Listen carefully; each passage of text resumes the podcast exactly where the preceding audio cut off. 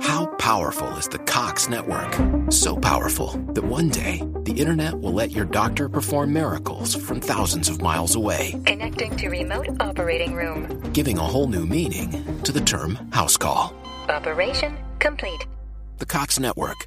With gig speeds everywhere, it's internet built for tomorrow, today. Cox, bringing us closer. In Cox serviceable areas, speeds vary and are not guaranteed. Cox terms apply, other restrictions may apply. Välkommen till vikingatiden, dit stigarna har fört oss på gamla och nya stigar. Då stod hedern högt i rang och då fanns krav att hämnas oförrätter, men också att ingå förlikning för att hålla fejder i schack. Släktfejd som håller på att gå överstyr är temat i den mäktigaste av alla islänningasagor, Njals saga. Om den sagan handlar dagens samtal på gamla och nya stigar med mig, Jalle Horn och med Robin Holmgren.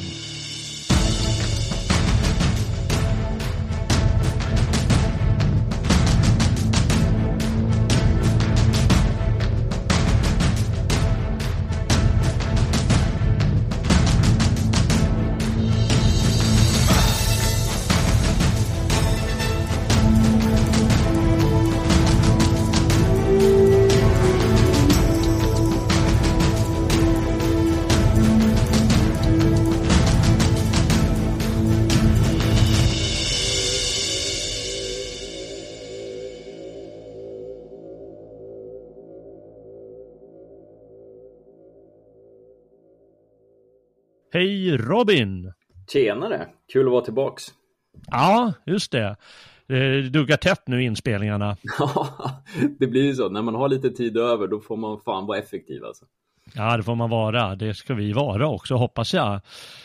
Annars så får vi sitta tre, fyra timmar om vi inte är effektiva. Oh, nej, det, det pallar jag inte. Nej, nej, okej. Okay. Ja. En och en halv vi, Annars kunde vi gjort det igår när vi samtalade om steppvargen. Mm. Ja, gissas. Man blir alltid så förvånad. Vi siktar ju på en timme, men det blir ju alltid en och en halv alltså, minst. Ja. Lustigt det där.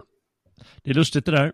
Men säg mig nu, för nu är jag mäkta nyfiken, varför anser du att Njals saga är bättre litteratur än Steppvargen? Och eh, tänk på att du måste ha mycket goda skäl. Eller mycket goda, eh, mycket att komma med. Mm. Eh, dels är det ju en intressant tid. Eh, Islänningasagorna har ju format så mycket av vår nordiska identitet. Eh, och det är en väldigt stor skillnad gentemot eh, steppvargen. Eh, den sträcker sig över en betydligt längre tid, så man får följa generationerna, man får följa otroligt intressanta, intressanta historiska skeenden. Eh, förändringar, alltså eh, hur blev Island kristnat? Ja, det, mm. det, framgår ju ganska klart och tydligt då. Mm. Eh, sen är det intressant för att mm, som du sa just det här med heder, ära, förlikning. Eh, det, det finns så många olika verktyg som dåtidens människor skriver ner på att hålla saker och ting rätt men också så fridsamt som möjligt. Och det är onekligen en balansgång för den andra, den ena vill ju ha hämnd och den andra vill ha en förlikning. Eh, mm. Så på det sättet är det otroligt intressant att se vilket um, ska man säga, hur, hur lagarna såg ut för tusen år sedan. Ja, okej. Okay. Otroligt intressant. Och sen, jag tycker att det här är en betydligt roligare bok. För den här boken kan jag skatta högt för. eh, väldigt korta, koncisa, otroligt kärva humorn. Eh, galghumorn är ju otrolig alltså. Ja, det säger han ju i Steppvargen, säger ju Pablo eller Mozart eller vem det är, att det är den viktigaste humorn. Precis. alltså, det, det, det, kan ju de skriva under på, de här islänningarna. Ja. Mm. ja. Vi kommer ju ta upp ganska många sådana där extremt roliga exempel. Ja, just det. Jo, jo det, det, det är klart att det kommer vi beröra och, och nä, äh, citera några, några sköna exempel. Och det blir inga långa meningar, för det har de inte behov av på den tiden. Nej, nej verkligen. Alltså, det är så kärvt. Det är så, det är så snyggt. Ja, det kan man ju tycka. Jag tycker ändå att Stepparen är mycket bättre eh, litteratur, men eh, det får stå för mig det. Ja. Så får du, får vi gå holmgång du och jag någon dag. ja, precis. Och så ser vi vilken bok som var bäst. Även solen har sina fläckar, vet du.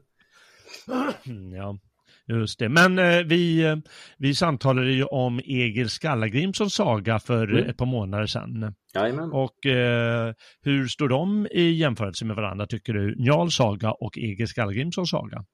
Eh, jag tycker att de är ganska olika. Mm. Men till sin uppbyggnad så finns det ju väldigt många likheter, men jag tycker ändå, Egil är ju betydligt mer um, rakt på och har liksom, alla problem är spikar och jag har en jättestor hammare. Um, betydligt mer än Njals saga. Njal är ju en lagman mer än någonting annat. Mm. Um, så att saker ting får, det sträcker sig över mm, kanske lika lång tid men uh, med ett annat djup skulle jag säga. Okej. Okay. Mm. Ja, det är ganska olika. De är ganska olika till karaktären böcken alltså. Ja. Jag menar, den ena har ju Egil så starkt i centrum och den här har ändå flera personer starkt i centrum. Eh, Njal saga. Eh, de är ganska långa båda två. Eh, Njal saga är ännu lite längre. Mm. Eh, och eh, Egil är väldigt, väldigt många dikter i eftersom det är en sån skaldesaga med den, mm. den främsta eller mest berömda av alla de här nordiska skalderna. Ja men verkligen. Men, och här är det ganska lite dikter i, eh, i Njalsagan. Ja, och mycket är ju rent, eh, alltså så här nidvisor egentligen. Mm. Eh, framförallt i slutet då när de kristna börjar skända lite. Men eh, jag, jag, tycker att bägge fyller verkligen sin plats i, eh, i biblioteket. Har man läst ja. Egils saga så borde man verkligen läsa Njals saga och vice versa. Ja, just det. Ja, men det borde man väl göra. Och den är ganska, den är ganska lättläst på det sättet. Mm. Eh, den, är, den är lång, den har väl så här, beroende på uh, sättningen i boken och så, men min är på drygt 300 sidor. Mm. Och det är väl där, de, där omkring de landar om det inte står allt för tätt eh, texten. Men eh, som du sa igår tyckte du att det var, bes inte besvärligt, men var lite irriterande tyckte du att eh, i Steppvargen, ja, då är det ingen kapitelindelning. Nej. Utan det är som en lång text eh, mer eller mindre. Ja. Och här är det ju bara en till två, max tre sidor varje kapitel. Ja, det är så fantastiskt. Och då kan man eh, liksom läsa några kapitel och så kan man lägga boken ifrån sig för då känns det liksom okej okay att lägga ifrån sig. Ja, det är lättare. Och sen så kan man ta upp den dagen på eller när man vill. Mm. Mm. Ja, ja. Ja. ja. Eh, vi kom väl fram till eh, hur bra, men, men vilken tyckte du var bäst då? Oh, den är svår alltså. Ja, det är den. Ja, oh. De är så, de är bra på um, olika sätt. Uh, mm. Om jag är sugen på uh, poesi så är, kommer ju alltid Egil vara fantastisk. Mm. Men Nej du, jag säger nog Egil faktiskt. Ja, ja jag håller väl med lite. Det är klart att de har ju dikterna också, men jag tycker väl att det är det är ganska stimulerande när han står i centrum så mycket med sin, jag vet inte, med sitt humör, Egil. Mm. Det blir så särpräglat alltihop. Med sitt hårda, stora huvud. Ja, men, precis. Ja. Ja. Ja, ja det får vara som det är med den saken. Eh, eh, det är ju som sagt en isländsk saga och vi kan ju upprepa lite av det vi sa eh, i samtalet vi hade om Egil Skallagrimssons saga. Nämligen vad det är för något i den här isländsk saga. Saga är ju inte som en folksaga utan det betyder egentligen bara eh, någonting man säger. Mm. Som vi hör i ordet. Säga och saga är ju, eh, har ju samma stam. Mm. Eh, så det är en berättelse kan man säga, eh, som inte behöver ha någon liksom, eh, påhittad berättelse att göra, utan bara något man berättar. Och då brukar man skilja mellan ättesagor som handlar om liksom en ätt eh, eller kungasagor som handlar om kungar. Nu säger, vad heter Heimskrimla är ju för sig uppbyggd lite som eh, eh, vad heter det, ättesagor. Den följer olika ätter av kungar, mm. men den brukar skilja på det i alla fall. Den borde vi också ta någon gång. Vad sa du? Den borde vi också ta någon gång. Ja, just det. Ja, ja. Jag får förbereda lite, lite längre tid, va? för det är ju tre mm. volymer. ja. Men vi har de här kungasagorna då och sen så har vi då de eh, lite mer eh, eh, sagoaktiga fornaldersagorna som har ganska mycket övernaturliga inslag och så här. Det handlar om, eh, vi hade inte ett program om den, eh, vi hade om eh, Sigurd Fafnesbane i allmänhet. Mm. Och det finns ju en, Völsungasagan är ju en fornaldersaga och det är ju om mytiska personer mer. Mm. Mm. Så det finns lite olika sorter och bland ättesagorna brukar också finnas lite olika, brukar man dela in dem, till exempel skaldesagor. Egil Skallagrimson är en typisk skaldesaga om en eh, berömd skald. Bygdesagor som handlar om någon lite bygd så här och sen så kanske lite mer rena ättesagor då som Jarls saga. Mm. Ja, det, det kan vara som det är på det. De är ju skrivna då på medeltiden på eh, 11 och 1200-talet. 1300-talet eh, också om man räknar vissa fornaldersagor, jag tror de är lite senare, några av dem. Eh, isländska sagan är ju känd för sin, som det brukar heta, hårdkokta objektiva stil. Mm. Som i stort sett bara, aldrig beskriver personers eh, inre tankar eller känslor eller någonting sånt överhuvudtaget. Nej. Utan bara deras handlingar och eh, ganska korthuggna enkla repliker men som ändå kan innehålla mycket mening. Ja, oja, oja. Mm, det är ju självklart. Mm. Eh, så, och den yttre miljön är ju hellre, man, det liksom, man läser ju aldrig om att det står en björk eller något sånt någonstans. Nej. Nej. Eh, vi har att göra med anonyma författare då, mm. förstås, eh, eller förstås, men det, de, de håller sig anonyma eh, med avsikt uppenbarligen. Och de skrev då efter muntlig hågkomst och det har funnits olika teorier hur de uppstått de här eh, sagorna men jag tycker att det är det, det, kan ju den som, gäller, som, som, tycker att det är spännande kan ju undersöka det. Men eh, efter muntlig hågkomst och berättelser som cirkulerade och dikter också som cirkulerade. Egil Skallagrimsson saga den är ju uppbyggd mycket kring dikterna. Mm. Och de eh, kan man då skapa situationerna utifrån. Och Njal saga då är den längsta av alla de här islänningasagorna och den brukar kallas den liksom mäktigaste eller jag vet inte riktigt vad man ska ge för ord, men eh, den är ganska mäktig, att den liksom beskriver ett så ganska långt skeende som, som kulminerar, som vi ska se. Den är nedskriven på 1280-talet, eh, läste jag någonstans, eh, fast den utspelar sig då eh, 300 år tidigare nästan, kring år 1000. Mm. Och eh, det är ju ett centralt år, årtusen eftersom eh, man bestämde då på tinget och det bestäms i den här boken då att Island ska kristnas. Amen.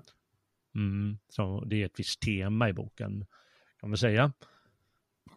Ja, det finns lite sådana här övernaturliga inslag i det.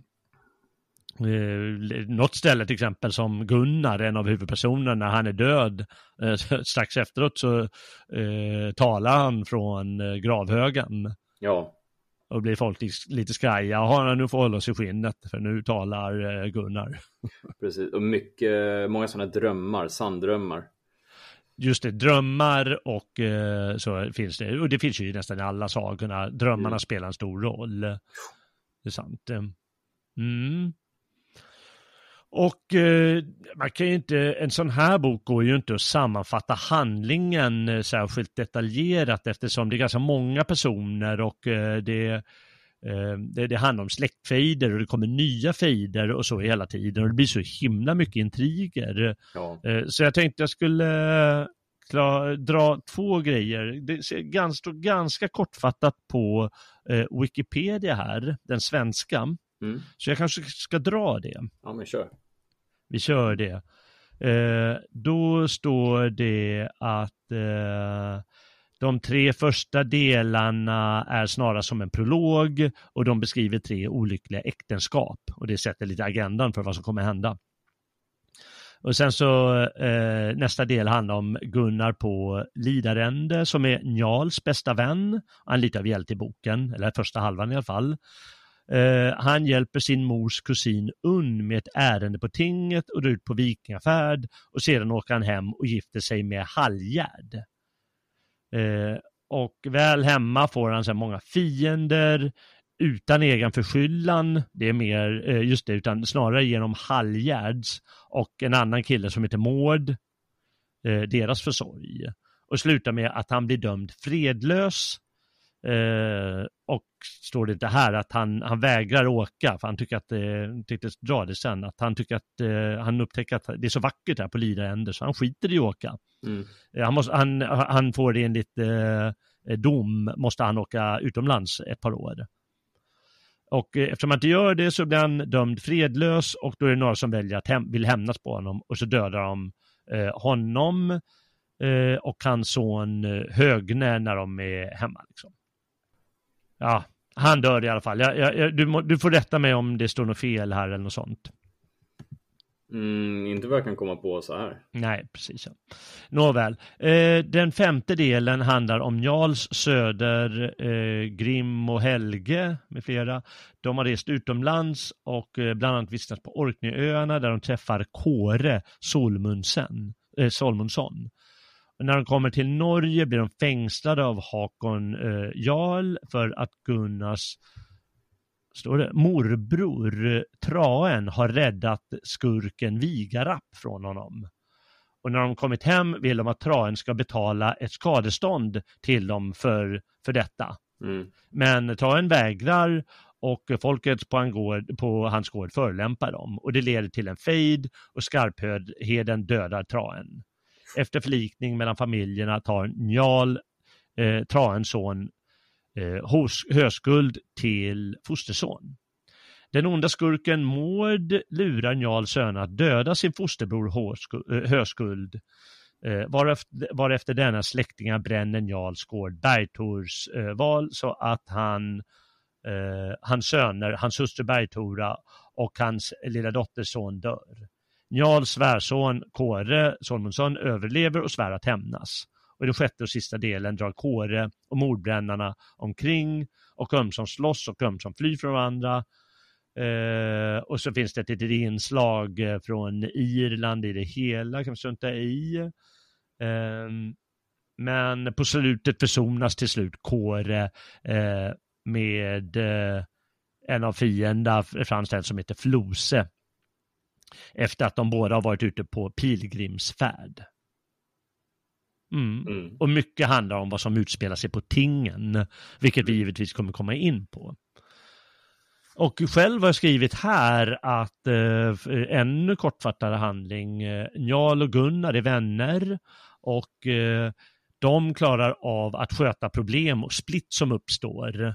Mm. Och eh, Gunnar han äktar då den här problemkvinnan Halljärd för hon är en trotsig, eh, rätt jobbig typ. Eller bestämd i alla fall. Ja.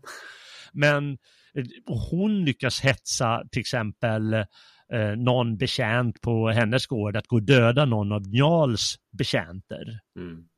Och då måste förstås eh, kvinnan på den gården eller någon annan på gården säga, ja men nu måste någon hämnas här. Och då måste de skicka iväg och slå ihjäl någon sån där eh, betjänt eller den betjänten på Gunnars gård. Men Gunnar och Jarl, de klarar alltid av att förlikas i den här situationen, med de här situationerna. De kan hantera problemen. Mm. För de är, liksom, de är starka och ordentliga och eh, ja, goda vän, tillräckligt goda vänner mm. och insiktsfulla nog att fatta att ja, det går åt peppan om vi inte kan förlikas. Ja, verkligen. Men när andra dras in börjar det gå sämre. Det, liksom, det är fler och fler som börjar dras in i de här eh, tvisterna. Och eh, när Gunnar så småningom dör, eh, då eskalerar problemen. Eh, för då kan de inte hantera dem på det sättet som Jarl och Gunnar kunde. Mm. Inte, och, och Njals söner som är indragna i de här tvisterna, de lyssnar inte riktigt på Njal längre. Nej. Och då eskalerar problemen så mycket att eh, det, det blir liksom stora band som ska gå uh, och slå ihjäl varandra. Mm. Och I många avseenden så är det ju Haljar och Bergtora som bara gnetar på och skickar sina sina trälar och, och karar efter varandra liksom. Ja, exakt. Och, eh, men till slut så eh, till slut så är det antingen är det att det är lite, det är liksom till slut är det så att alla samlas på tinget och hela vad heter det, släkterna och ätterna, de kommer beväpnade dit. Mm. Och då förstår man att här är liksom, nu, nu är det som att allt står på spel. Och det blir strid, men då lyckas de i alla fall eh, lösa konflikten och döma eh, Flose heter han och några till som har bränt eh, Njal eh, och hans familj inne. Eh, de döms till eh, rätt hårda straff och bland annat eh, eh, att eh, vara fredlösa, eller inte vara fredlösa, men att eh, till landsflykt i ett par år. Mm. Och eh, så småningom så eh, gör då den här Flose en, eh, en sån här vallfärdsresa till Rom och Kåre, han, som överle han är den enda som överlevde den här branden som då är ingift i Njals släkt. Han, han gör en vallfärd till Normandie och så på slutet så, så kan de förlikas och försonas till slut. Mm. Så att det är den här fejden äntligen tar slut.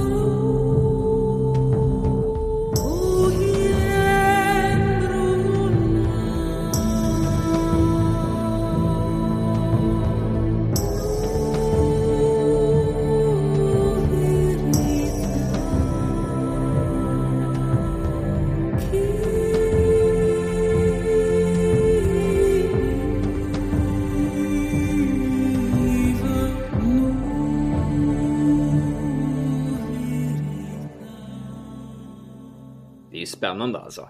Det händer mycket. Ja, men det händer väldigt mycket. Det händer, men, men vi ska säga, när det gäller den här spänningen så är det ju inte som en eh, Tolkien-bok. Nej. Eller som en annan spännande bok på 1900-talet. Det är ju inte uppbyggt på det sättet. Eh, för de kände inte till den sortens berättarkonst och den, de skulle nog eh, skaka på huvudet tycka att det var fullständigt patetiskt allt som är skrivet på den, i den stilen eller som en Hollywoodfilm eller något sånt.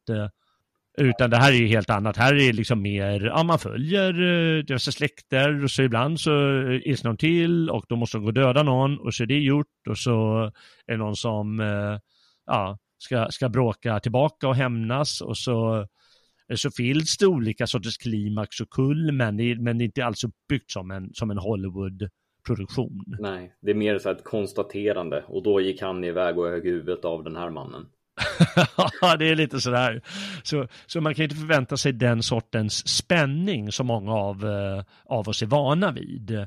Utan spänningen fungerar ju på ett annat sätt. Men det är väldigt fängslande, så kan vi säga. Ja, och striderna är ju ofta förklarade också. Um, uh. Så det är ju inte bara liksom Ugg, ugg, jag går dit, han dog. Utan, nej, just det. Nej, det utan det är ju faktiskt, det är lite actionscener rent av. Mm kan man säga. De är inte, de är inte gjorda som en Hollywood actionfilm, lite eh, eh, vad heter det, Die Hard eller något sånt, men eh, det är rätt fräcka actionscener ändå. Ja, får man säga.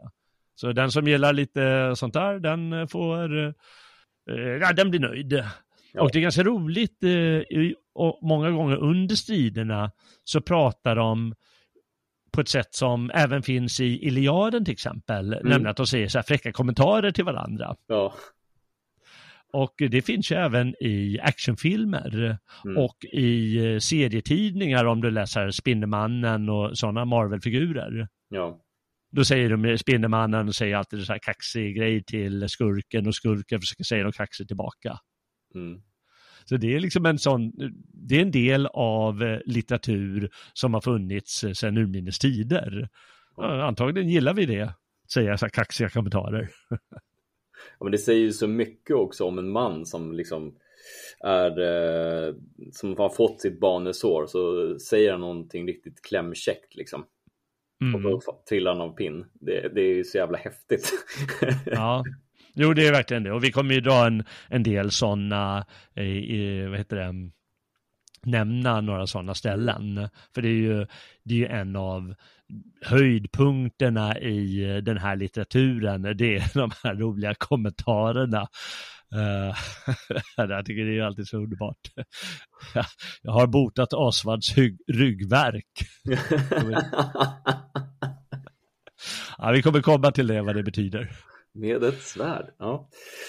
Ja, mm. men vi kan ju säga vilka karaktärer, liksom huvudkaraktärerna, det finns ändå några. Det, det är liksom säkert 20 personer som cirkulerar och jag tycker det är väldigt jobbigt med de här eh, isländska sagorna för de är väldigt måna om att berätta.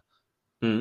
Uh, ja, han var son till den och den var son till den och så vidare och så vidare. Så blir det till slut så många namn. Och ja. vi som lever i ett skriftspråkligt sammanhang har ju väldigt svårt att eh, hålla den sortens information i huvudet. Ja. På den tiden var det säkert helt naturligt. Det bara registreras och satte sig i skallen på dem. För eh, de hade inte behov av att eh, skriva ner små lapp, minneslappar som skit.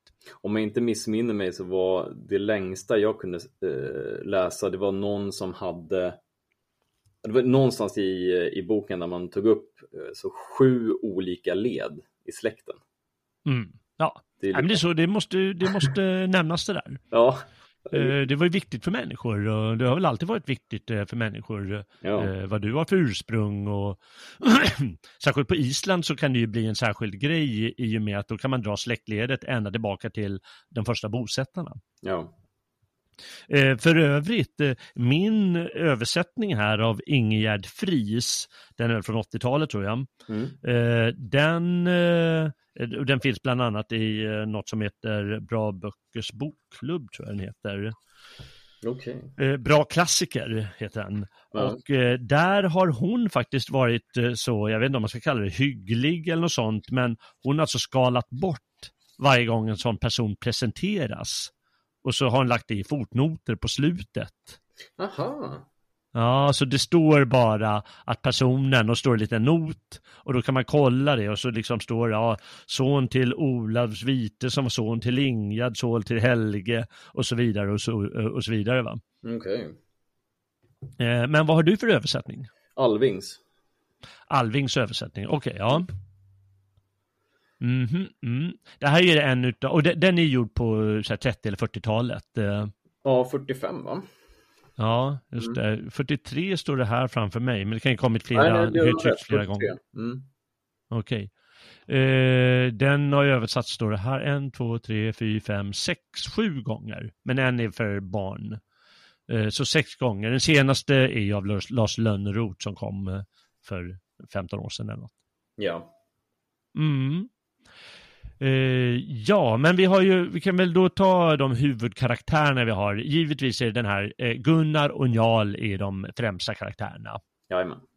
Och, uh, och La, Njal, den heter Njal saga, vi får ju följa hans släkt längst. och han är den här klokman, man får ju inte se honom slåss eller sånt, men han kanske har varit ute på lite sådana tåg också och varit i strid. Mm. Men främst är han känd för sitt lag, eh, sin, juridiska, sina juridiska kunskaper. Mm. Att han är en av de främsta lagmännen. Och han är ju hela tiden hjärnan bakom hur de ska lösa olika tvister. På, både för att få det att komma ut på bästa sätt så att folk kan förlikas, men också så att eh, Njal eller Gunnar då kan göra bäst eh, vinst, ska vi säga, vid Ja. förlikningen. En förlikning gick, gick ofta till så att, eh, som det he- hände hela- eh, flera gånger, att eh, Gunnar han känner oj, nu har, nu har min fru Hallgärd, hon har sett till att min betjänt gått och slagit ihjäl en betjänt hos Njal, då måste jag gå till honom och säga att ja, nu måste vi lösa den här eh, eh, konflikten vi har, Njal, ja det måste vi göra, säger Njal. Och så ska vi säga han, ja men ska vi säga att det ska kosta 100 silverdaler eller vad det kan heta, valutan. Och då säger Njal, ja just det, ja, och så ska vi tänka på det här och det här också och så är det avgjort. Mm. Och så ibland måste det gå till tinget när det är andra inblandade i det och då så, ja, Njal har olika, lite väl, och för oss, för mig, extremt omständliga sätt att gå tillväga för att Ja. lösa det här. Minst sagt. Så jurister, de kan ju gnugga händerna när de sitter och läser det här och tänka, ja, ja, ja, okej, ja, så gör man alltså. Mm. Men de kan Eh, också Det är Njal och sen Gunnar. Eller hur? Man, Eh. eh, man kan ju använda sig exempelvis av Njal för att driva sin egen sak i tinget. Just det. Så han kan ju liksom ta över, han blir ju en advokat och åklagare också. Ja, Eh, man får ju följa flera personer som gör det. Särskilt med liksom den stora upplösningen på slutet. Eh, mm. Mm. Ja, så är det. Eh, han är i alla fall eh, lagman. Och eh, kan du då beskriva Gunnar som är, eh, som är hans vän då? Ska jag beskriva honom? Ja, Alltså, hur han är inte Han är väl som en vanlig, liksom, eh, en intelligent och schysst bonde egentligen, som alla på Island under den här tiden. Alla är ju Mm. bönder främst. Mm. Eh, den stora skillnaden, för de, har, de är ganska lika Gunnar och Njal tycker jag. Eh, Ja, just det. de, de är bägge väldigt noga med sin heder och ära eh, Mm. och att eh, bägge är väldigt fridsamma. Mm. Just det. nackdelen för Gunnar är ju att han blir ju styrd av sin kvinna ganska rejält. Ja, just det. Vilket sätter honom lite i klaveret. Kan man lugnt säga. Men samtidigt så är ju Njal också ganska beroende av sin kvinna. Mm. Eh, men Gunnar har nog lite svårare. Ja, Eh, just det. så det kanske säger en del om att han inte kanske är mannen i hushållet så att säga. Ja, ja, men det tror jag nog han är. Han, eh, han ger ju henne en rejäl örfil någonstans som hon eh, kommer ihåg ända in på slutet. jo, eh, kan man gott säga. Men eh, Men, men han Eh, låter ganska mycket. Han, han, han är mer kanske ett godtrogen då än vad Njal är. Han, ja, han tillåter ju Halljärd att verkligen dra i spakarna alltså. ja, han gör ju det. Eh, man, man får ju intrycket av att det här är väldigt, kvinnorna tillåts vara väldigt självständiga och eh, starka i många sammanhang. Ja. Jag menar, de blir bortgifta ofta. Men ofta är det när de ska bli bortgifta att ja, men jag ska gå och fråga min dotter om hon eh, vill eh, ha en sån som dig. Precis. Och eh, då går de och frågar och då kan det lika gärna bli ett nej. Eh, Och de här gifta kvinnorna, Bergtora som är Njals eh, hustru och Halljärd som är Gunnars hustru. Båda männen tillåter ju dem att hålla på och gö göra sina tokigheter Mm. och kräva saker och ting. Ja. De tillåter dem det. Eh, och det betyder att de tillåter dem att vara starka och bestämda, även om det drar aldrig förvär- fördärvet. Mm. Ja. Så är det ändå, eh, ja, här låter vi saker eh, fungera. Jag kan ju läsa upp i alla fall om Gunnar vad, vad som står i min översättning här. Ja, kör. Eh, Njal bodde på Bergtorsvål i Landö. Nej, det var ju Njal ju. Mm. Fasen, jag har skrivit fel här. Jaha, då kan vi ta eller, eller säga hur han ser ut i alla fall. Han var mycket välbärgad och en ståtlig kar, men det var ett fel på hans utseende. Eh, han hade ingen skäggväxt. Han var så lagkunnig att det inte fanns någon som kunde tävla med honom. Han var klok och förevis, godhjärtad och en utmärkt rådgivare. Allting brukade lyckas som han rådde folk till. Han var go- godmodig och en ärlig vän, mindes långt tillbaka och kunde se långt fram i tiden. Alla som kom till honom fick hjälp att klara upp sina svårigheter. Eh, och, och Gunnar, han beskrivs eh, på sidan före. Jag råkade läsa på fel sida här. Och eh, det står lite längre, men det är ganska intressant för han är ju väldigt stark och kraftfull och vapenför Mm. eh, som liksom ingen annan i hela den här boken. Och då står det så här. Han var en lång och kraftig kar. Det är kapitel 19 om du undrar. Han var en lång och kraftig kar och en vapenfäktare som ingen annan. Han kunde hugga med båda händerna om han ville och kasta spjut lika så och han svingade sitt svärd så snabbt att det såg ut som tre svärd i luften på en gång. Han var oöverträffad bågskytt och råkade alltid mål som han siktade mot. Han hoppade högre än sin egen höjd med alla vapen och lika högt baklänges som framåt. Han sam som en säl. Ja, det fanns ingen idrott där det lönade sig för någon att tävla mot honom. Man sa att han inte hade någon jämlike. Han hade ett vackert ljushylt ansikte, rak näsa med nässpetsen lite uppåtböjd, blå ögon och skarp blick, röda kinder och tjockt blont hår som föll vackert. Han uppträdde som en riddersman och var järv och kallblodig i alla väder. Han var givmild, lugn och sansad och trofast mot sina vänner, men kräsen på vänner. Han var mycket välbärgad. Låter ju som en fullblodsarier. Mm, verkligen. ja. Ja, det är, eh, det är Gunnar då, den bästa av män eh, vad gäller eh, som kropp och karaktär. Förutom gälla, välja damer. Precis. Mm. Eh, en annan intressant karaktär är ju Skarpheden. Som är Njals, är det äldsta son kanske? Oh, det minns jag inte. Det är mycket möjligt. Mm. Eh. Han är i alla fall sturskast av Njals söner och han, han drar ju sen Njals släkt i fördärvet genom att eh, inte lyssna helt på, på Njal. Nej, han vill väl ha fejder mer än förlikning. Ja, han är lite, han är lite het på gröten, ja.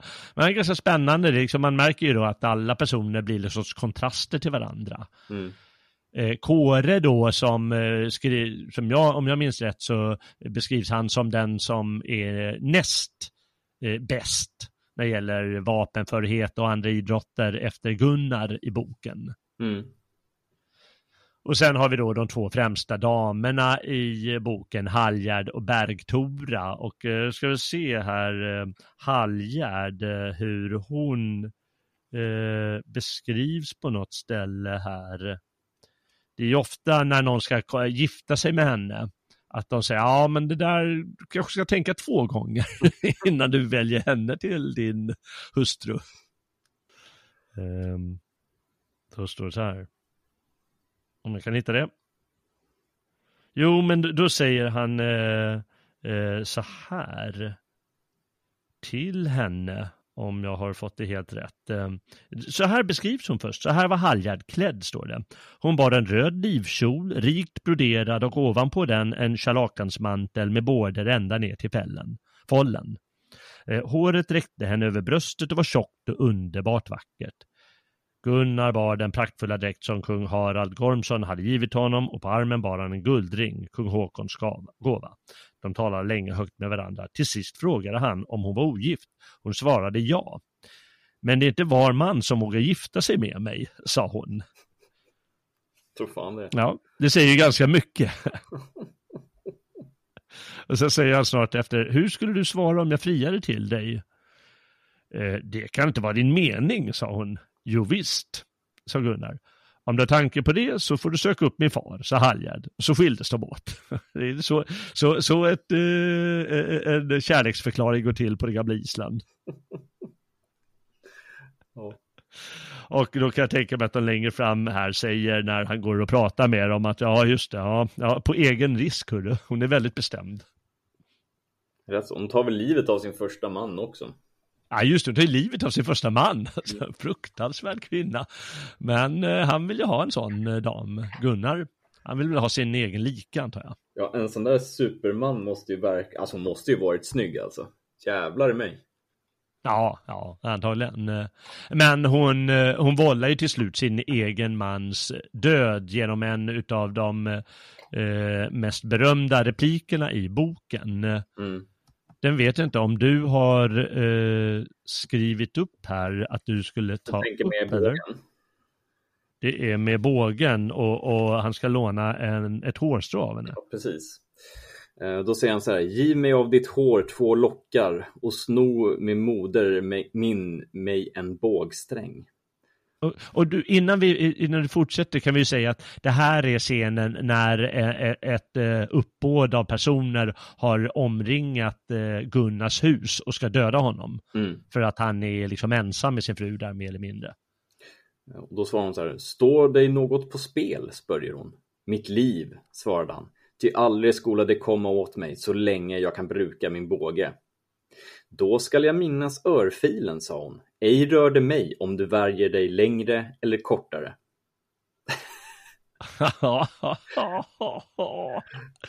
Långsintare kan man inte vara. Hon dör ju själv där i, eller? Uh, ja, det gör hon väl. Ja. Ja, så är det. Tänk på det uh, innan du... Eller nej, vänta lite nu, släpps inte hon ut? Ja, kanske hon gör.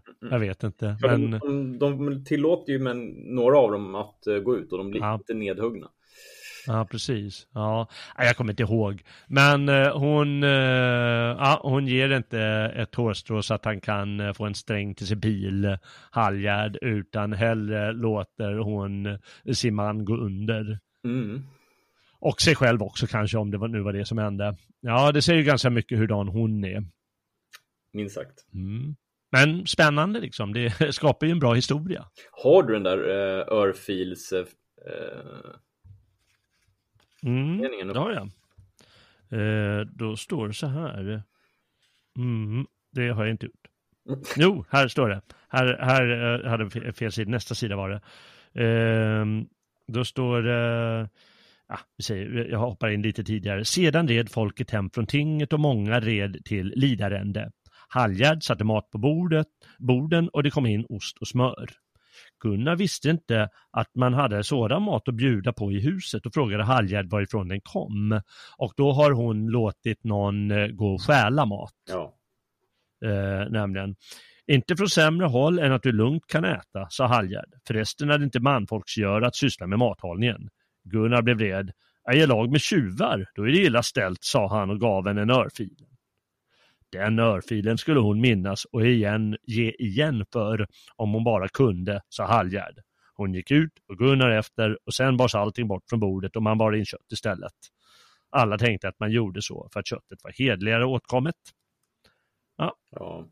Och det, det påminner mig om eh, när, är det inte Sigrid Storåda som ska gifta sig med eh, med, eh, oh, vad heter han? Ja, just det, just det här uh, Olof Tryggvason. Nej. Uh, äh. Fasiken. Uh, då är det Olof den helige i Norge. Mm. Är det Storråda då? Ja, okej, okay. det är någon, mm. någon prinsessa i alla fall ska gifta sig med honom och han drämmer till henne och så säger hon så här, det här kommer du ångra. Just det, just det. Ja, det får jag göra också. Slå aldrig kvinnan, och, eller snarare så här, om du slår kvinnan och hon säger sådär, då vet du att du är dödsdömd. ja, verkligen. Ja, du vet verkligen. I alla fall om du figurerar i en isländsk saga. ja. Men det som är fascinerande här på det här stället, det är att eh, han har ju låtit henne, han har ju sett mellan fingrarna när hon har låtit slå ihjäl eh, en massa människor. Ja. Men när hon har stulit eh, mat på det här sättet, då blir han förbannad. Amen. För då är det som att han, det är någonting mycket allvarligare som har kränkts. Mm. Och i grund och botten så handlar ju boken om alltså släktfejd. Och eh, det är ju att eh, liksom, man har kränkts på olika sätt. Ja. Och då så måste man eh, eh söka hämnd eh, och eller förlikning. Mm. Och antingen gör man upp eh, direkt med personen eller så hamnar det hos tinget när det blir av. Mm. Och självklart är då en väldigt stark del heden hos personerna. Både liksom individerna och släkten. Mm. Ja, och ja. Eh, jag hittade ett ställe här som jag tyckte var väldigt, jag kommer ihåg att jag skrev att det var en väldigt stark scen. Mm. Och jag kan inte dra sammanhanget, men det är liksom lite mot slutet av boken. Och då är det en kvinna som heter Hildegun. Och jag vet inte om det är Floses man eller släkting eller något sånt där. Mm. Och då står det så här, hon gick bort till sin kista längst in i stugan och låste upp den. Hon tog upp manteln som Höskuld hade blivit dräpt i, den som hon hade samlat upp allt blodet i. Hon kom fram i stugan med manteln och gick tigande till Flose. Flose var mätt och maten hade burits bort från bordet. Hildegund lade manteln över Flose och blod, blodlevrarna dråsade ner över honom. Hon sa, det här är manteln som du gav Höskuld, Flose, och nu ger jag dig den tillbaka. I den blev han dräpt. Jag tar Gud och alla goda män till vittne. Jag besvärjer dig vid din Krists alla kraftgärningar och vid din mandom och din kraft att hämnas varje sår som fanns på hans döda kropp. Eller ska du heta Varmans niding? Ja, den är hård. Han är hård. Han blir jättesur, eh, Flose. Han står att han rev av sig manteln och kastade den famnen på en och, och, och, sa du är ett odjur. Du vill ha oss eh, att göra vad som bringar ofärd över oss alla. Kallar kvinnors råd, säger han. Mm. Men hon har ju nästan inget val än att säga på det här sättet, för hela hennes eh, släktkänsla har ju blivit eh, eh, kränkt. Ja.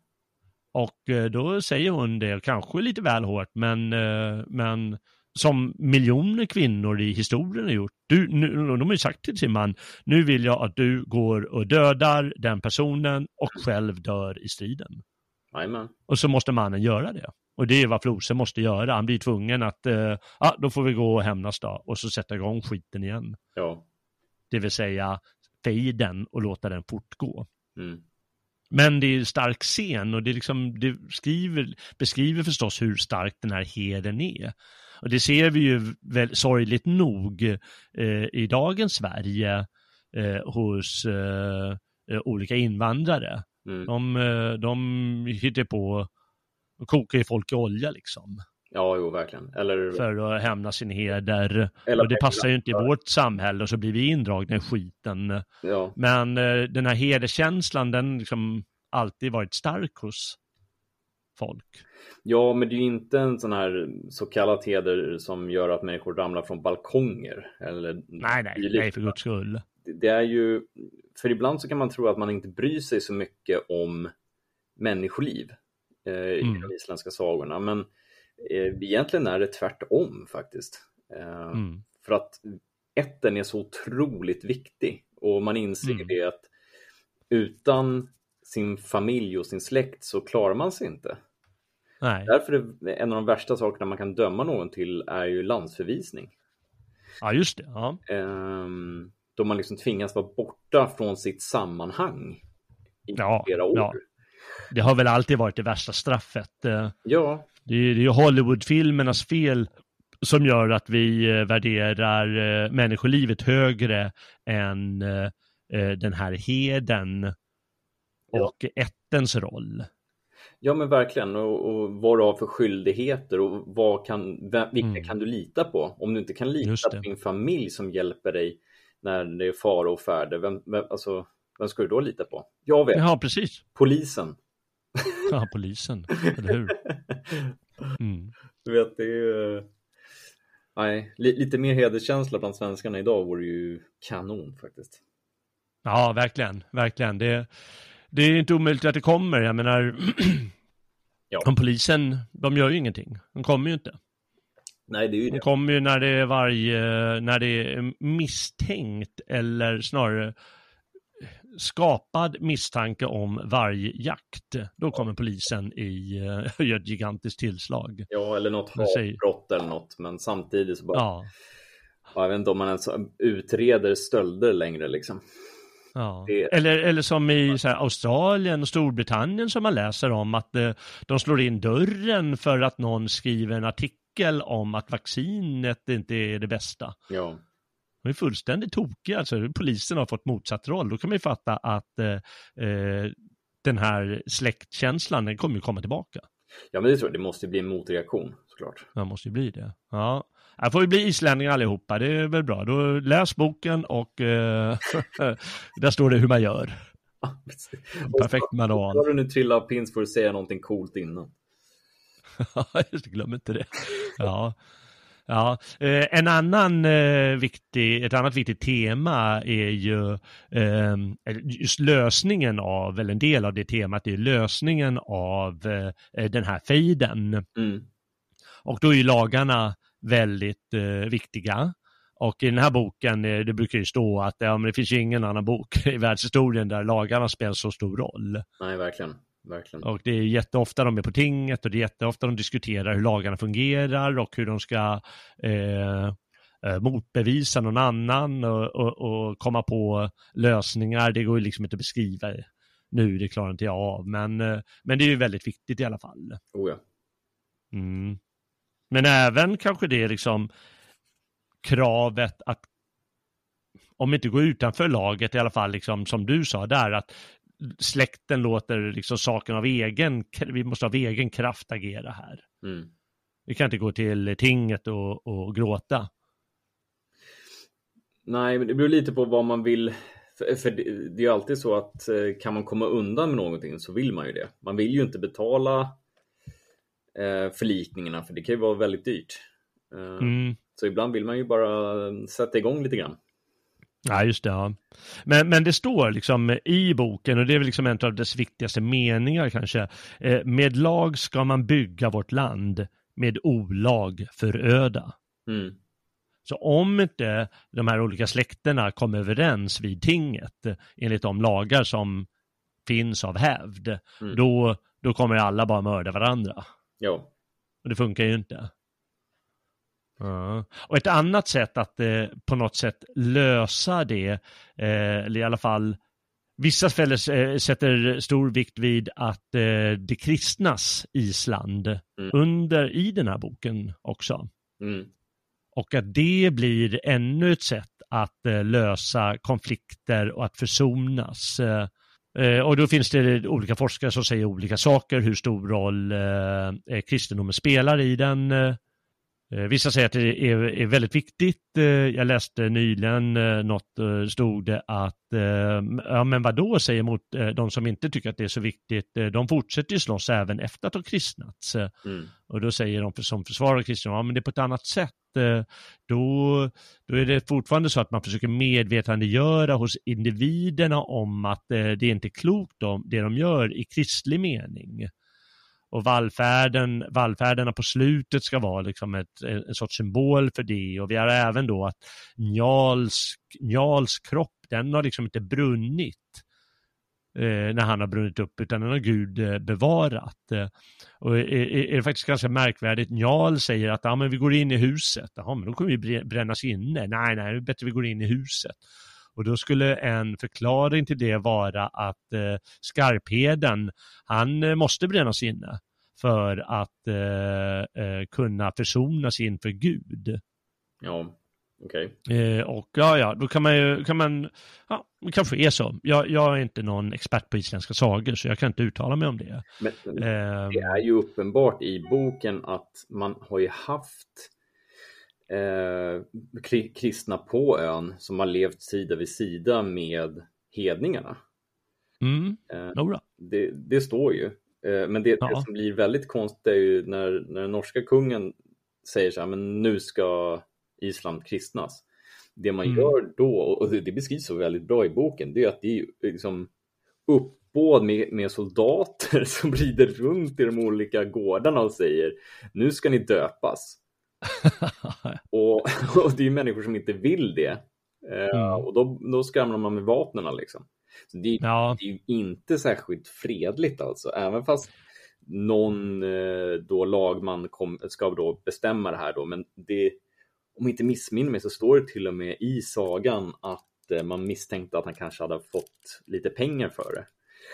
Ja, ja, ja. Det, är ingen, det här är kommer... folkvilja, vi vill bli, bli kristna liksom, utan att det, det, är ju väldigt mycket vapenmakt, precis som det står i Heimskringla liksom.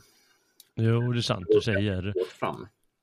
Ja, de skickar någon särskild krigare, men, eh, men det står, som, som jag minns det står det fortfarande så att, jag menar den som har skrivit det har ju uppenbart ett kristet perspektiv, att eh, han, den främsta krigaren, eller vem de nu skickar, han har ju uppenbart Gud med sig och är rättfärdig mm. eh, ändå på något sätt. Eh, och eh, att det, att, det på, att det beskrivs som ett klokt val att eh, kristnas när de tar det beslutet på tinget. Ja. Men de tillåter ju folk fortfarande att vara hedniskt, eh, ha vissa hedniska eh, kulter och, och så. Mm. Det är inte så att man ska halshuggas om man inte eh, ber till eh, vite Krist längre, plötsligt. Nej, så är det ju inte.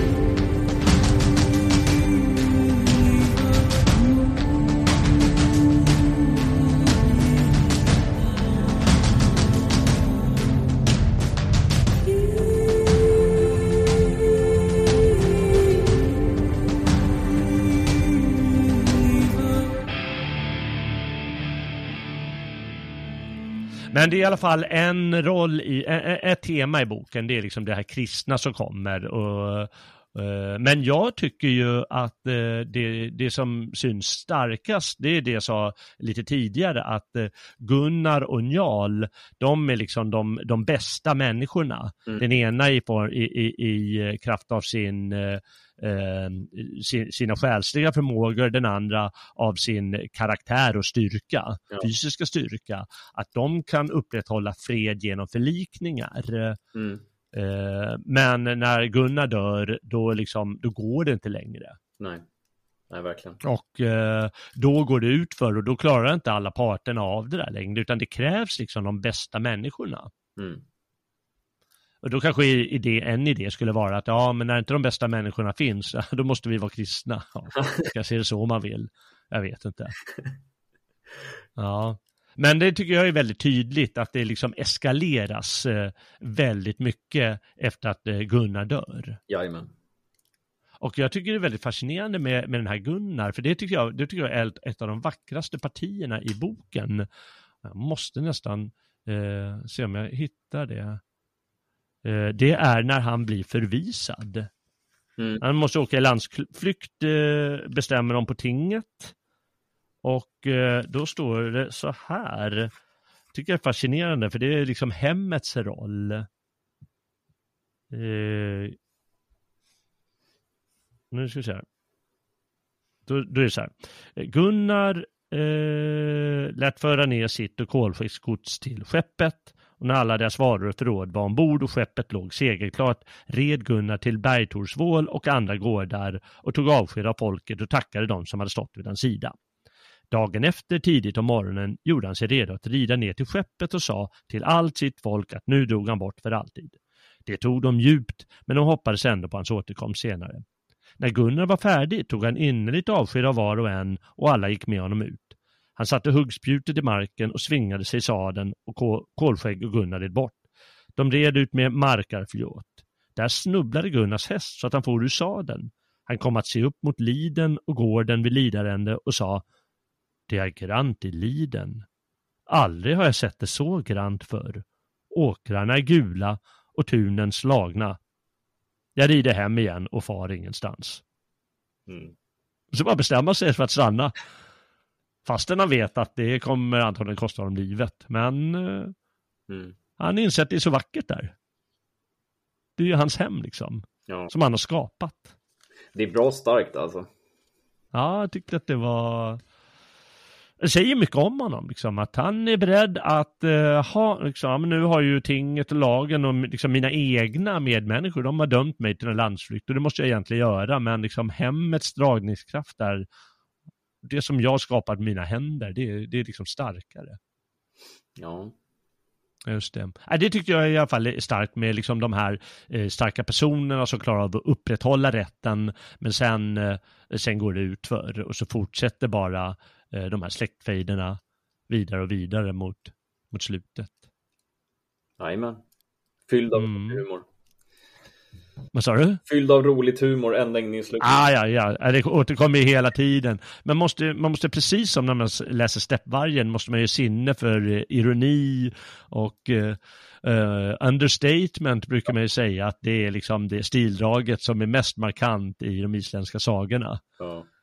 Att eh, då ska jag minnas örfilen som du gav mig. Ja.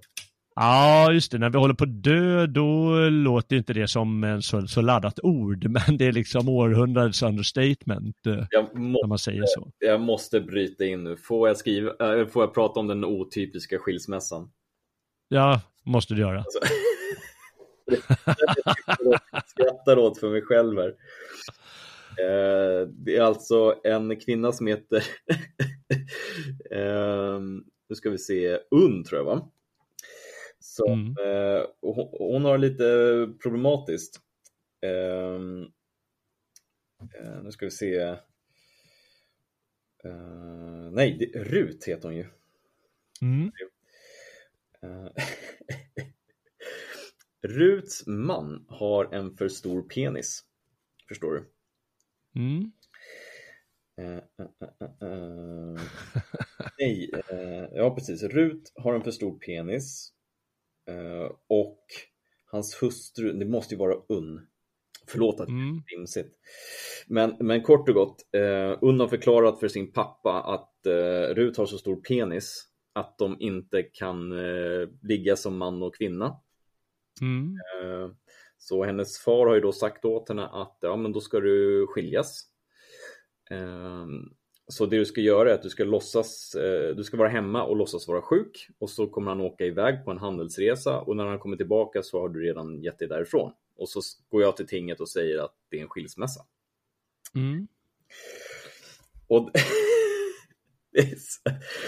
det här är så typiskt en, en man. När Rut kom hem och hans hustru var borta blev han mycket överraskad men förhöll sig lugn.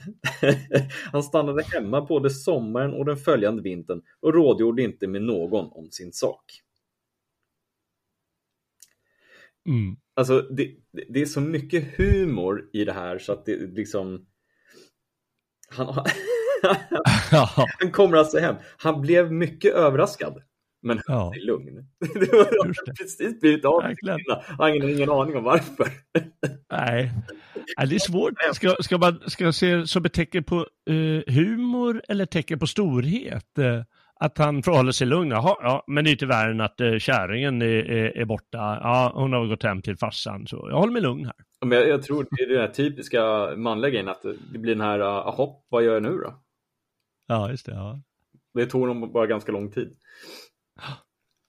Ja, det är faktiskt, det, det är så mycket, det är väldigt mycket sånt där eh, eh, fa- fascinerande stildrag i, eh, vad heter det, just eh, den här. Jag, jag, jag tänkte när jag läste om, när jag läste den tidigare en gång, men inte tänkt allting, eller mindes inte så mycket. Mm. Men nu tänkte jag över liksom det extremt höga tempot.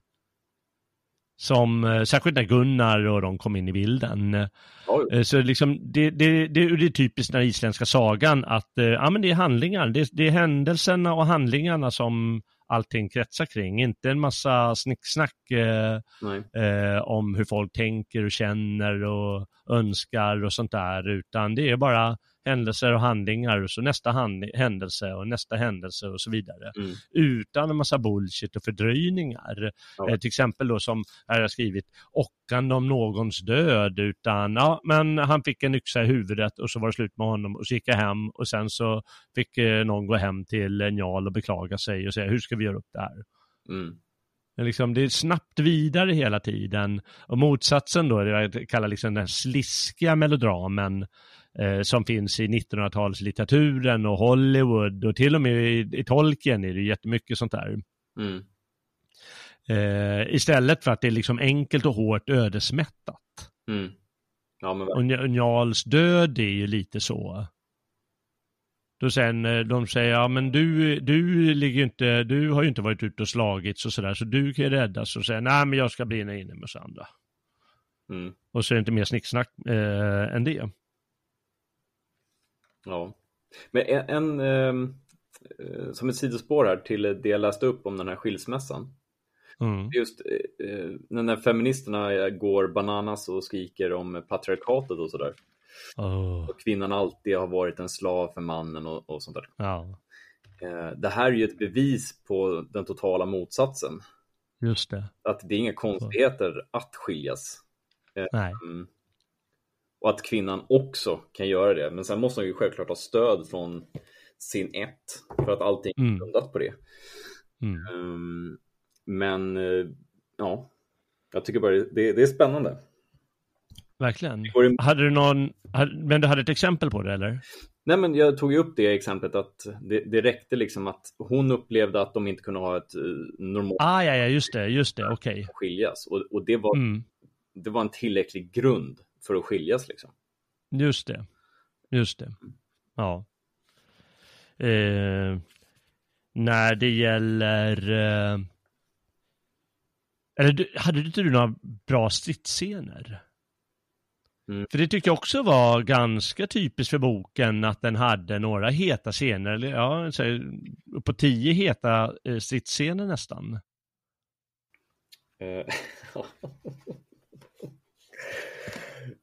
Ja, Njal är rolig. Vem har tagit ner våra sköldar? frågade han. De gick dina söner ut med, sa Bergtora. Njal satte genast skor på fötterna och gick ut och till andra sidan av huset. Där såg han sina söner på väg upp för höjden. Vart ämnar ni er, skarpheden? ropade han. Ut och leta efter dina får. Inte behövde ni några vapen för den saken, sade Njal. Det är något annat ni har i sinnet. Vi ska fixa, fiska lax, far. Vore det väl om fångsten inte kom undan. Ja, precis. Eh, Så kommer de och, ja, de ska ju kriga såklart. Mm. Eh, Du, Håskuld, skall hålla dig stilla, sa Skarpheden, för du blir ofta skickad ut i farliga ärenden och nu vill jag ta hand om Sigmund. Det tycks mig manligt. Grim och Helge ska gå mot Skjold. Eh, ta dina vapen och vär dig, sade Skarpheden till Sigmund. Det behöver du bättre nu än dikta nidvisor om oss bröder. Sigmund tog sina vapen och Skarpheden stod och väntade tills han var färdig. Skjold vände sig mot Grim och Helge och det blev en hetsig strid. Sigmund hade hjälm på huvudet och bar sköld. Han hade svärd vid bältet och i handen ett spjut. Han vände sig mot Skarpheden, sticker snabbt efter honom med spjutet och träffar skölden. Skarpheden slår av spjutskaftet, lyfter yxan, hugger efter Sigmund och klyver skölden från övre kanten ända ner till handtaget. Sigmund drog sitt svärd och högg efter Skarpheden. Hugget träffade skölden med sådan kraft att Sigmund släppte svärdet. Därpå gav, Sigmund, gav han Sigmund ett hugg med yxan. Sigmund var i pansar och yxan träffade axeln och klöv skulderbladet. Det är massivt. Därpå ryckte Skarpheden till sig yxan. Sigmund föll på båda knäna men sprang strax upp igen. Du böjde knä för mig, sade Skarpheden, men lika fullt skall du dö förrän vi skiljas. Då är det illa, sa Sigmund. Skarpheden svingade sin yxa mot hjälmen och gav honom därpå banehugg. Ja, illa. ja, så man ska prata med varandra när man, när man slåss på liv och död. Ja, det är det ju. Så. Ja. Ja, det, det är verkligen det. Jag, jag, jag, medan du läste upp lite läste jag just det stället där. Det, det händer några gånger att någon kastar spjut och så fångar de spjutet och, och skickar tillbaka det. Ja, Men sen hittade jag ett annat ställe som jag tyckte var liksom eh, ganska, också ganska typiskt. De är inte så långa de här scenerna, liksom en halv sida max. Eh, mm. Men uh, uh, jag tycker de är helt okej. Okay, va? här är det Gunnar då som slåss med några. Eh, han stötte med bägge händerna ett väldigt spjut mot Gunnar. Gunnar sköt skölden framför sig och spjutet trängde igenom den. Gunnar satte ner skölden så hårt i marken att den stod fast och tog till svärdet och högg så snabbt att ingen hann se det. Det träffade Hallbjörn i armen, strax ovanför handleden och armen gick av. Skamkel sprang på Gunnar bakifrån och högg mot honom med en väldig yxa. Gunnar snodde runt och slog till med huggspjutet. Det träffade yxhalsen och yxan for ur handen på Skamkel och ut i Rangån. Gunnar stötte en gång till med huggspjutet och stack det rakt genom skanka, Skamkel och lyfte upp honom och kastade honom på huvudet i lervägen.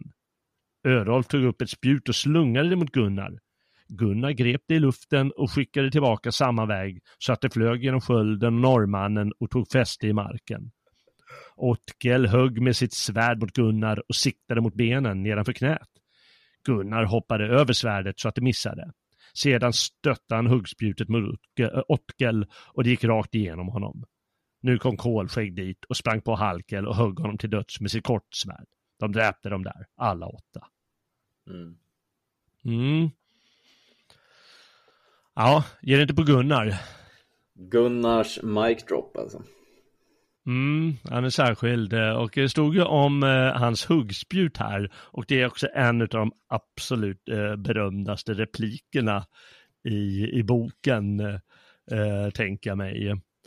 Och eh, det är när de ska överfalla hans hem. Mm. Eh, när, när, hans, eh, när Halljärd inte ger honom ett hårstrå mm. att, göra, att fäst, eh, spänna ny båge med. Oh. Oh. Och då har de omringat huset så här lite, eh, några stycken. Då, äh, jag, jag drar lite innan, det är väl bra. Gunnars skåle, det, det är liksom rummet eh, där de eh, sover. Eh, var byggd helt av timmer och hade tak av klinklagda brädor. Längs sidåsarna fanns gluggar med luckor eh, förskjutna. Gunnar sov i ett loft i skålen, eller i hans rum i alla fall. Och likaså Hallgärd och hans mor. Eh, då de sammansvurna kom dit visste de inte om Gunnar var hemma och sa till att någon skulle gå fram och spana. De andra satte sig på marken. Torgrim, östmannen, gick upp på taket. Gunnar såg en röd kolt skymta förbi gluggen och stack ut huggspjutet och kom rakt genom veka livet på mannen. Östmannen tappade skölden och miste fotfästet och hasade ner från taket. Han gick fram till Gissur och de andra där de satt på marken. Gissur tittade upp på honom och frågade Nå, var Gunnar hemma? Ta reda på det ni, svarade Torgrim. Jag fick veta att huggspjutet var hemma. Så föll han ner död. bra. Och det finns ju en hel del sådana eh, kommentarer i, i, i boken. Eh, väldigt, liksom väldigt många, eh, antingen att de är så här, jag vet inte hur, hur man ska beskriva en sån. Det ena är det här understatement eller liksom något korthugget, barskt. Eh, mm. eh, det är ett ske som ska ske, som vi sa. De är, de är många och de är roliga. Kan det inte vara så att i och med att de älskade poesi så mycket så vill de ju ha det så dramatiskt som möjligt.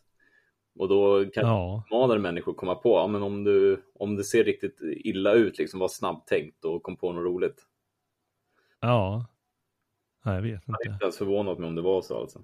Det skapar ju en, en, eh, en kultur. Ja. Mm. Och, och mm. i och med att alla hade ju kills liksom. Det var så pass... Ja, precis. Um, då, skapar väl, då skapar man väl den här galghumorn riktigt ordentligt. Och den får ju... Ja, kanske är det. det är svårt att säga. Jag får ta det där med, med, med ryggverken också. Jaha, har du den sidan eller? Ja, jag har den här. Jag har skrivit upp att det är det. Då är det någon som heter Asvard som eh, eh får något att tänka på. Då är det så här. Då, då har han eh, huggit eh, eh, står det lite tidigare på sidan. Rapp var strax på fötter och grep sin yxa. Asvard tänkte vända, men Rapp gav honom ett hugg rakt genom ryggraden. Och så bla bla bla bla bla. Och så säger eh, någon dam senare, varför är din yxa blodig? Jag har botat Asvards ryggverk, sa Rapp. Ja. Och så säger hon efteråt, det var nog ingen vänlighet, sa Gudbrand. Du har dräpt honom? Ja, sa Rapp. Ja. Ja, och så vidare här. Vad har han gjort dig för när? frågade Gudbrand. En småsak tycker ni väl, sa Rapp. Han tänkte hugga benet av mig. Jäkla skön dialog. Ja. Ah, vi, ska inte, vi ska inte förstöra för mycket för den som eh, faktiskt vill ta till den här boken, men det är, det är verkligen så underbara höjdpunkter när, eh, när de kommer fram, de där dialogerna. ja, verkligen. Men det är som eh, när kvinnorna kommer på sina nidgrejer, det är också så väldigt kärnfullt. Mm, mycket kärnfullt, ja precis. Jäkla- Liksom, det är för kärnfullt, det är därför det, blir, det är så kärnfullt att det de säger blir ett understatement. Ja, verkligen. Eh, Mm. Jag tänkte ta upp en del om, om Haljer nämligen. Mm. För, um,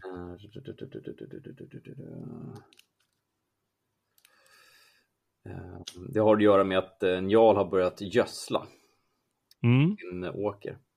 Vad skulle det tjäna till? frågade Halger. Han påstod att där man gödslat blir gräset bättre än på andra ställen, svarade de. Njal är inte alltid lika klok, fast han vet råd för allt möjligt, svarade Halger. Vad menar du med det? frågade tiggerskorna. Jag menar det som sant är, sade Halger. I skägget på sig själv lät han inte köra gödsel, så att han kunde blivit som andra manfolk. Nu ska vi kalla honom skägglöse gubben, och sönerna hans kallar vi dyngskägg... Dyngskägg.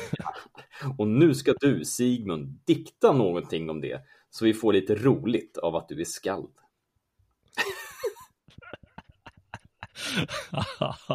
Jäklar.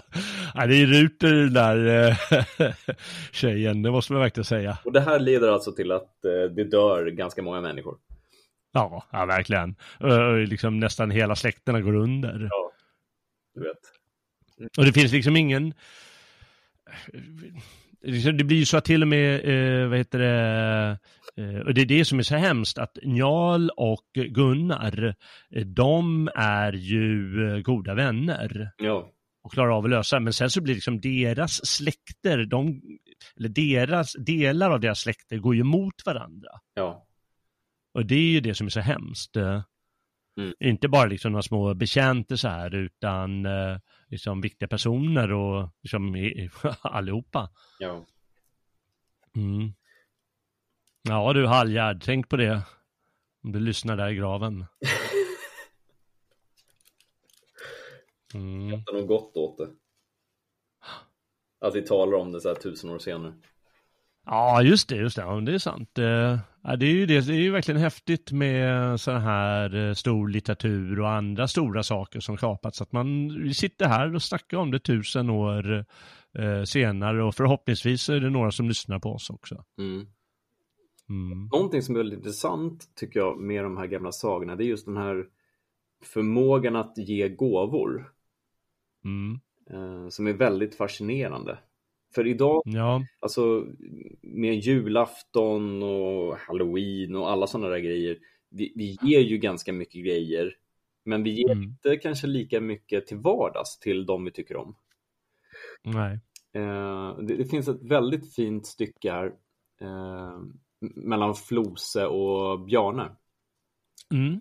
Eh, Flose bjöd Bjarne pengar om han fick hjälp av honom. Aldrig, svarade Bjarne, har jag sålt mitt mod eller min hjälp för mutor. Och nu, när du behöver hjälp, skall jag handla som en vän mot dig och rida till tings med dig och bistå dig som jag skulle bistå min bror. Då lägger du all tacksamhetens börda på mig, sa Flose. Men det var ju vad man kunde vänta av en man som dig. Så det, är väldigt, liksom, det är väldigt fint två män emellan när de hjälps åt. Då. Ja, ja, det är sant. Men den här gåvokulturen, eh, jag kan inte säga hur det, var, hur det är överallt annars i världen, men uppe i Norden var den väldigt viktig. Ja, verkligen. Eh, För just att det skapade ett, det här bandet eh, mellan två personer. Och därför brukar jag säga idag att eh, om man inte tillåts liksom ge någon annan eller bjuda hem någon på middag för att de är för lata för att åka hem till dig eller något sånt där. Ja. Då, då begår, begår den andra en neslig handling. För jag får inte ge en gåva till dig. Ja. Men det är väldigt viktigt, eh, liksom bandet oss emellan, att man får göra det. Ja, men verkligen. Ja. Och eh, det var, det var ju så, det var så det, funger, så det byggdes, upp, byggdes upp egentligen hela samhället eh, för eh, det blev lite ordentliga kungar och så där vidare med, med Birger Jarl och så vidare. Mm. Så före det byggde det helt och hållet på att man gav gåvor. Att eh, kungen då, eller någon, någon ja, vi säger, kallar honom det, hövdingen, att han kunde ge gåvor till andra. Mm. Ja, men här har du den här ringen. Oj, en sån här fin ring kan inte jag ge någon. Det gäller att han har en skattkista och ger det till folk. Mm. Och eh, kanske man tycker att aha, den var inte snygg liksom, men det handlar inte om det, utan det handlar om symbolen att jag ger dig någonting och därmed liksom skapar det betydelse och vi kan eh, skapa ett band. Precis. Och därav Mm. har också eh, den hedniska företeelsen om att eh, offra saker och ting. Ja, och det, det är sant också. Ja. Och gudarna kräver också sin, eh, sina gåvor. Ja. Men inte för, inte för mycket och inte för ofta. Mhm, ja. ja, det är bra. Ja. ja, det vet jag inte riktigt. Det vet du bättre än vad jag vet. Ja, jo. Hur man går tillväga där. Jajamän. Mm. Jaha, hur ska vi eh, knyta ihop den här säcken? Ja du, med ett understatement. Ja, ge oss ett äkta understatement då. ja, nej men ska vi sammanfatta den på, på något sätt? Alltså jag tycker verkligen att man ska läsa den här. Eh, Mm. den, din utgåva eh, hade ett lite nyare språk än vad min har. Mm. Eh, så den kanske är lite lättare att läsa. Mm. Men jag tycker verkligen att eh, lyssnarna ska införskaffa den här boken. Köp den på bokbörsen eller något. Eh, eller det, blir, det är ju typ 100 spänn totalt med frakt. Liksom. Ja, ja. Den, den, är- den är så värd att läsa nu i sommar. Eh, ja. Ta del av våra förfäders storartade litteratur. Ja, verkligen. Jag kunde inte sagt det bättre själv. Det tycker jag verkligen folk ska göra. Eh, Man behöver inte göra det till en plikt, utan om man tycker att aha, nej, men det här var ju trist, eh, då, då gör man, behöver man inte läsa vidare. Det kan man prova nästa år igen, om man känner för det. Ja, Men eh, nu, man vet ju lite vad som kommer i alla fall och det är liksom inte riktigt hur det slutar som är spännande utan det är hela vägen dit. Och det är både humor och allvar och ja, alla grejer finns där på, på ett väldigt underhållande och intressant sätt. ja. Och vi, vi, har, Så det är klart att folk ska göra det. vi har varit ganska bra på att läsa upp saker och ting som går i vers. Och det, så, det finns inte så mycket sånt i en Jarl saga. Utan Mm, det är ju kort men kärnfullt. just det. Mm. Mm. Ja, eh, det får vi eh, verkligen hoppas att eh, folk gör. Ja, nej, så kanske inte mycket mer än det att säga om, om eh, vad heter det, Njals saga, den mäktig, mäktigaste av islänningasagor. Mm. Nej, Nej, det, nej, vi kör på det. Vi kör på det. Mm. Ja, då vet eh, lyssnaren vad han eller hon har att eh, göra. Kla klaga på att mannen kanske har för stor drule, eller vad var det du sa? Nej, givetvis. Gå och införskaffa boken och läs den. eh, Då gör du eh, ja, säkert dig själv en tjänst. Men eh, vi jag har i alla fall haft en trevlig timme här under det här samtalet. Gäller det dig också? Ja, men kan du svara på min fråga? Om... Jag frågar dig, vad ska vi prata om nästa gång? Oj du, oj du. Jag vet inte. Lite poesi, va? Ja, ja, det måste vi ta ja. Ja, vi tar lite svenska poeter. Jajamän. Ja, det ska vi göra. Det kan ni se fram emot, kära lyssnare. Nu, nu blir det bra svensk poesi. Ja, det blir det. Ja, men det ska vi göra. Ska sp- spela in ett par sådana avsnitt så folk har att eh, lyssna på under sommaren. Det ska bli verkligen bli roligt att ta det göttaste av det göttaste eh, i, i svensk poesi. Får vi se vad det blir. Det vet vi kanske inte riktigt än. Nej, det blir nog många. Så länge, så länge Ja. Dan Andersson och Stagnelius finns med. Så. Jaha, okej. ja, vi får väl se om de eh, klarar, klarar det. Ja. Mm. Eh, så Eh, väl eh, Tell också, va? ja, just det. Wilhelm Tell skulle vi göra ett avsnitt om, också. Ja, det är så mycket, vet du. Oj, oj, oj. Mm. Ja, det låter underbart. Jag ser redan fram emot de samtalen och de programmen. Jajamän. Det ska bli kul. Jag tackar dig på förväg här för dem, men jag tackar dig för den här, det här samtalet om Njals saga också, Robin. Mm. Och eh, tack eh, du som har lyssnat. Eh, hoppas att du eh, tycker att det var intressant. Hoppas att du vill läsa Njals saga om du inte redan har gjort det. Och hoppas att du vill lyssna eh, nästa gång jag och Robin eh, tar upp något som i alla fall vi tycker är spännande. Och förhoppningsvis du också. ja. Um, just det. Om du då dessutom gillar det här extra mycket, eh, då får du gärna stödja Svegot med en eh, stödprenumeration eller en donation och det gör du det enklast genom att gå in på svegot.se och där kan man klicka teckna stödprenumeration eller donera eller om man bara vill eh, ge en kommentar till dagens program så kan man leta reda på någon hemsida att eh, eh, en e-postadress att skriva det på. Eh, hoppas också att du då återkommer redan nästa vecka då, ja, ingen vet exakt vad det ska handla om, men något spännande blir det säkert. Eh, fram till dess så kan jag bara tacka för mig och säga väl mött frände.